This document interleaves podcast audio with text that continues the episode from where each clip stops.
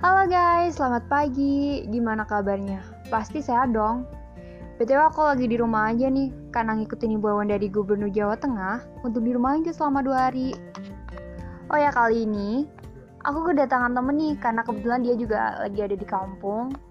Jadi bisa sekalian tanya-tanya seputar keadaan atau pendidikan di sana dong, ya kan? Sebelum ke tema pembahasan di podcast ini, kita bisa minta perkenalan dulu dari temen aku. Dan ya, Halo, kenalin nama gue Muhammad Andi. Gue asli Jawa Tengah, tapi gue ngambil pendidikan di Jakarta. Gue sekolah di salah satu yayasan swasta yang berada di Depok. Berhubung pandemi belum selesai, jadi gue mutusin untuk pulang kampung. Karena sekolah masih daring, bisa dilakukan dari jauh-jauh tempat kan bisa. Mungkin segini aja perkenalannya. Oh ya betul lo kelas berapa sih? Dan lo ngambil prodi apa? Gue masih kelas 11, gue ngambil prodi sistem informasi. Karena gue ngambil multimedia, jadi gue tuh nggak paham apa arti dari sistem informasi. Jadi lo bisa jelasin dong. Yaudah gue jelasin sedikit tentang prodi sistem informasi. Nah, jadi di sini sistem informasi ini adalah bidang yang menggabungkan ilmu komputer dengan bisnis manajemen. Di jurusan ini lu bakal diajarin e, gimana ngi- mengidentifikasi kebutuhan dan proses bisnis perusahaan berdasarkan data-data yang dimiliki perusahaan.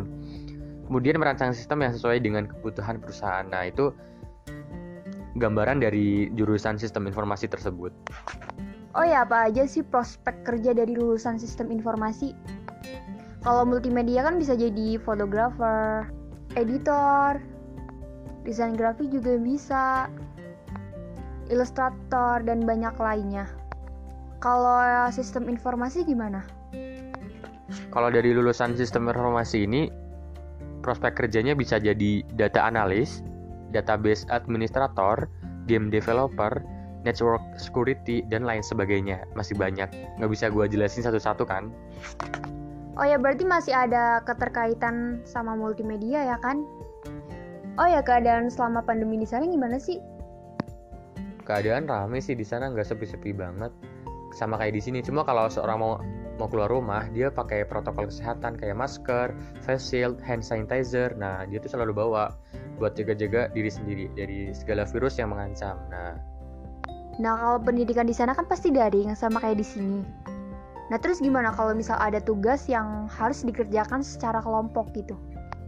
Nah, kalau ada tugas kelompok ngerjainnya gimana? Nah, gampang. Kan ada aplikasi Zoom, ada WA juga bisa video call. Nah, jadi kita kerjanya lewat virtual, kan nggak boleh ketemu gitu. Jadi kita sempet-sempetin ketemu lewat virtual, kerjain bareng di situ. Nah, gitu sih. Menurut lo gimana sih belajar daring selama pandemi ini? Kayak lebih nyaman atau sebaliknya sama ini? Kalau menurut pendapat gue sih nyaman-nyaman aja gitu. Bukan orangnya nggak suka keluar rumah, jadi gue betah di rumah. Apalagi kalau pandemi gini, disuruh di rumah ya di rumah aja gue nurut gitu. Terus kalau ada tugas praktek lo kerjainnya gimana? Lo datang ke sekolah atau tetap kerjain di rumah?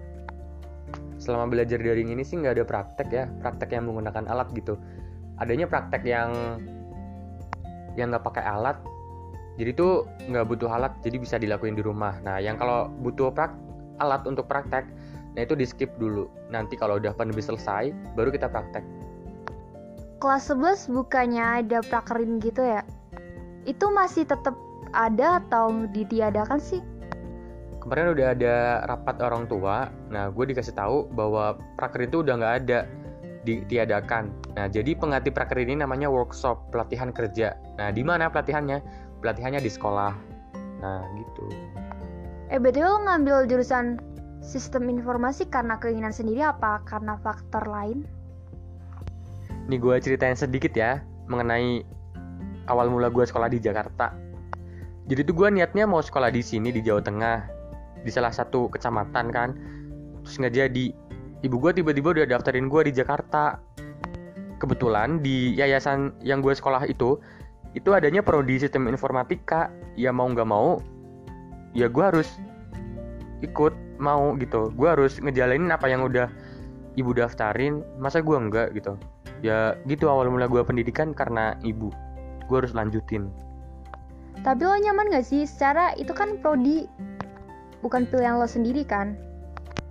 Oh ya prodi yang lo inginin tuh Prodi apaan sih? Gini, gue tuh dari kecil suka kerapihan, suka tata kelola data atau apa pun itu. Nah, jadi gue dari MTS, gue dalam hati gini, gue pengen sekolah SMK jurusannya tuh tata kelola atau perkantoran. Nah karena gue suka kerapihan anaknya gitu nggak suka berantakan berantakan gitu gue nggak suka. Jadi gue pengennya sih kalau ya berarti kan sekarang bukan jodohnya kan bukan eh, nggak uh, ditakdirin buat masuk di jurusan perkantoran tata kelolaan gitu. Nah terus gue masuk di sistem informasi. Nah beruntungnya uh, gue nyaman sih nyaman nyaman aja sekarang. Yang gue jalanin ya gue nyaman aja gitu Nah, sekarang kita mulai ke topik pembahasannya ya. Apa sih yang lo pengennya di masa depan?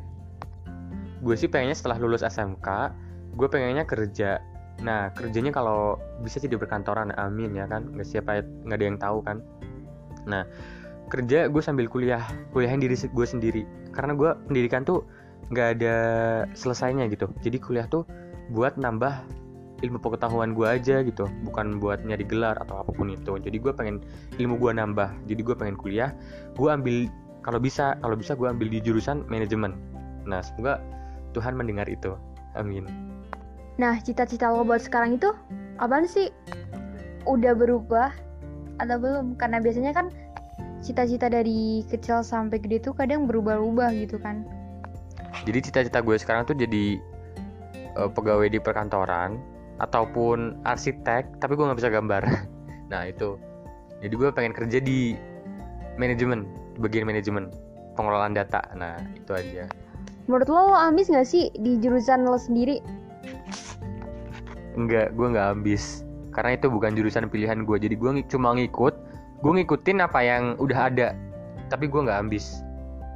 Gue ambis di pelajaran yang gue suka aja kayak bahasa Indonesia matematika udah itu aja sih.